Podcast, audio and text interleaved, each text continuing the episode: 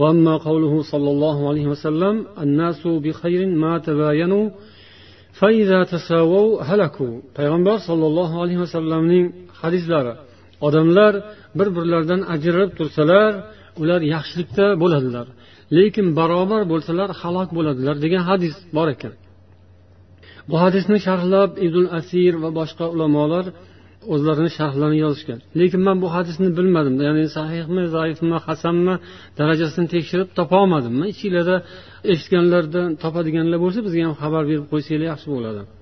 Ya'ni bu hadisni na shayx alboniyning muallifotlaridan asarlaridan na hozirda internetda saytlar bor hadislarni sahih zaiflarga ajratib beradigan mutaxassis ulamolarni saytlari bor. O'shalardan birontasidan chiqmadi bu hadis. Na zaif deb na sahih na hasan deb.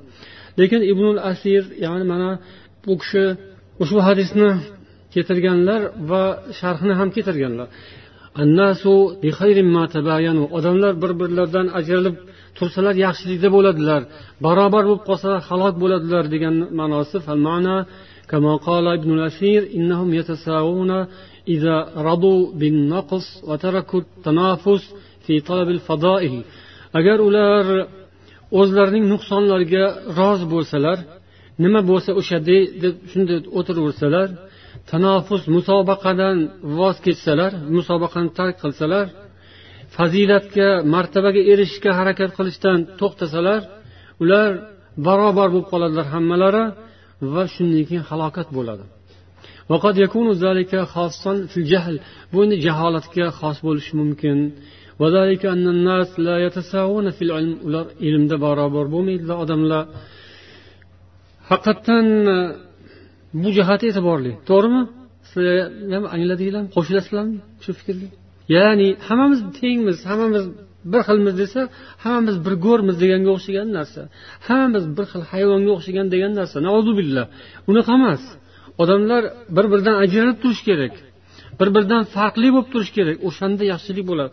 O'sha yaxshilik bilan ajralish ya'ni pul bilan mol bilan moshina bilan imorat bilan kiyim bilan va hokazo va hokazo emas. Uddaburonlik bilan ustamonlik bilan makr bilan va hokazo unaqa emas. Yaxshilik bilan ilm bilan taqvo bilan solih amallar bilan yaxshilik bilan yaxshi xulq bilan va hokazo bilan ajralsa yaxshi. Shunga intilsa yaxshi. Shunga musobaqa qilsa yaxshi agar kimga shu musobaqa yoqmasa u yaxshi emas.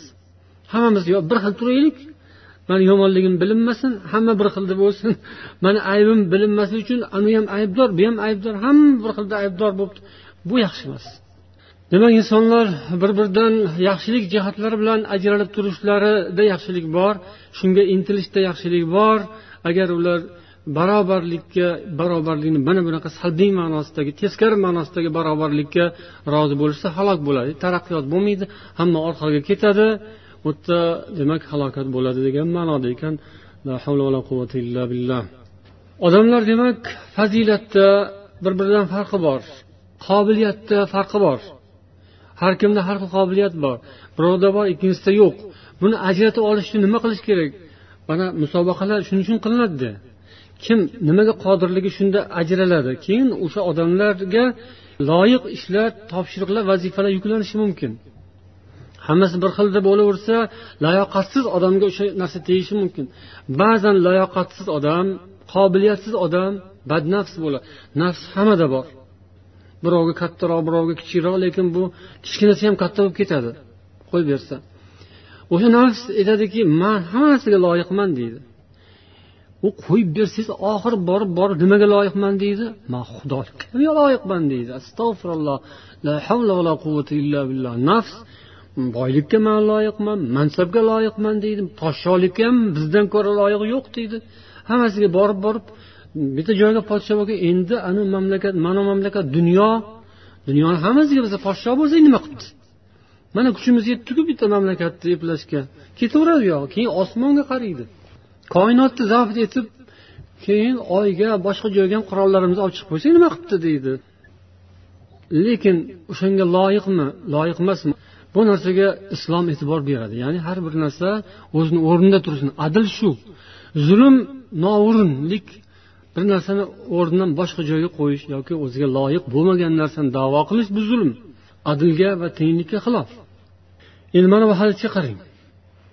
عن ابي ذر الغفاري رضي الله عنه قال قلت يا رسول الله امرني abu zar g'iforiy roziyallohu anhu judayam bir ochiq ko'ngil ochig'ini gapiradigan odamlar bo'lganlarda shuning uchun ham ochig'ini gapiryaptilar yo rasululloh mani amr qilsangizchi manga ham amirlikni bersangizchi bu kishi mansabparast emas edi badnafs emas edi bu kishi shunaqa taqvodor bo'lganki bu kishini taqvosiga ba'zi odamlar chidamagan shunaqa taqvodor bo'lgan Hatto xalifa bilan o'rtalarida munozara bo'lgan hazrati usmon bilan. Bu kishi o'zining taqvosi zohidligi tarki dunyo qilishi va hokazosi jihatdan sahobalar bilan ba'zan o'rtada munozara bo'lib qolgan. Shu kishi aytyaptilar payg'ambar sollallohu alayhi vasallamga yo rasululloh mani amir qilsangizchi? Ya'ni bu degani hozirgi tilimizda mani ham bironta shahar bering menga ham.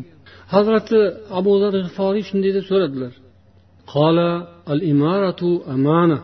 وهي يوم القيامة خزي وندامة إلا من أمر بحق وأدى بالحق عليه فيها rasululloh sollallohu alayhi vasallam aytdilarki imorat omonatdir ya'ni amirlik bu omonat bu qiyomat kuni xorlik va nadomat illo kimki haqni buyursa va haqni ado qilib egasiga yetkazsa va o'shanday shu yo'lda tursa o'zining ustidagi zimmasidagi haqiqatni haqlarni ado qilsa bundan mustasno. Ya'ni bunga loyiq bu odam amirlikka loyiq.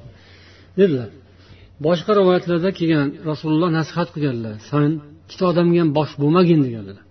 San hech kimga bosh bo'lmagin. Umuman san amirlikka yaqinlashmagin degan ma'noda. Bo'lmaydi sanga. Yana bir rivoyatda innaka zaif san zaifsan.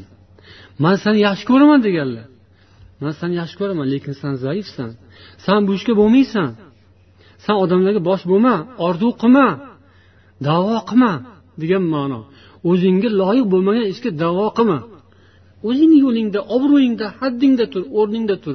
Shu sanga yaxshi degan ma'noda lekin bu narsani hamma to'g'ri qabul qilmaydi. Ba'zilar shunday oldinga intilaveradi amalparastlar ko'p bo'ladi hayotda. Mansabparastlar. Ularga umuman amal bermaslik kerak. Odamni ham tanish kerak bilish kerak bir birini shuning uchun ham. Bir birlarini sinab borishlari kerak taqvolarini boshqa jihatlarini. Har bir inson o'zini o'rnini bilsa aqlli odam o'sha odam taqvoli odam shunda bo'ladi. Ba'zi odam o'zini aqli yetib tursa ham tan olmaydi. Shunaqa badnafslik bo'ladi. Nauzubillah. O'qimagan ilmsiz tarbiya olmagan behayo odamlar bir ishni egallasa yoki eng yomoni davlat tepasiga minib olsa davlatni bosib olsa davlatni egallab olsa juda ko'p kulfatlar keltiradi abu zar dunyoga berilmagan zohid taqvodor inson bo'lsalar ham lekin rasululloh sollallohu alayhi vasallam bu kishini qobiliyatlarini bilib to'g'ri baho berdilar. Shunday qilib odamlarda qobiliyat bo'lishi mumkin kimdir. Unda talant iste'dod bor unda layoqat bor. U odamga shu narsa berilsa yoki ana odamga bu narsa berilmasa qani savol tengsizlik bo'ladimi? Zohirdan tengsizlik? Mana bu odamni bu odamga teng qo'yilmadi. Teng ko'rmadilar. Bunga berdilar bunga bermadilar. Mana tengsizlik deb kimdir davo qilsa qilaverishi mumkindir. Ya'ni noto'g'ri tushunchadagi tengsizlik. Aslida bu tenglikka hech qanday zarar tekkani yo'q tenglik buzilgani yo'q. Qaytaga balkim o'sha siz shunga loyiq sizni vakolati berilgan odam bilan abu zarning darajasi olloh huzurida yer bilan osmoncha farqi bor to'g'rimi? Bu dunyoda hozirgi zamonda eng taqvoli eng adolatli eng ulug' inson abu zardan o'tib ketadimi? Abu zardan hech kim o'tolmaydi dunyoning hamma odillarini jamlab bir joyga yig'sangiz ham abu zarga yetmaydi. Abu zarning darajalari darajalariga hech qachon yetmaydi. Olloh huzurida o'zining har kimning maqomi martabasi bor. Ulug' demak biz adl musovat tenglik va tengsizlik masalasini gapirayotgan paytimizda alloh taolo tomonidan berilgan qobiliyat yoki joriy etilgan farqlar bor. Bu farqlarni shariatda ko'rsatib qo'yilgan. Bu tengsizlik emas. Bu tenglikka hech qanday xilof emas.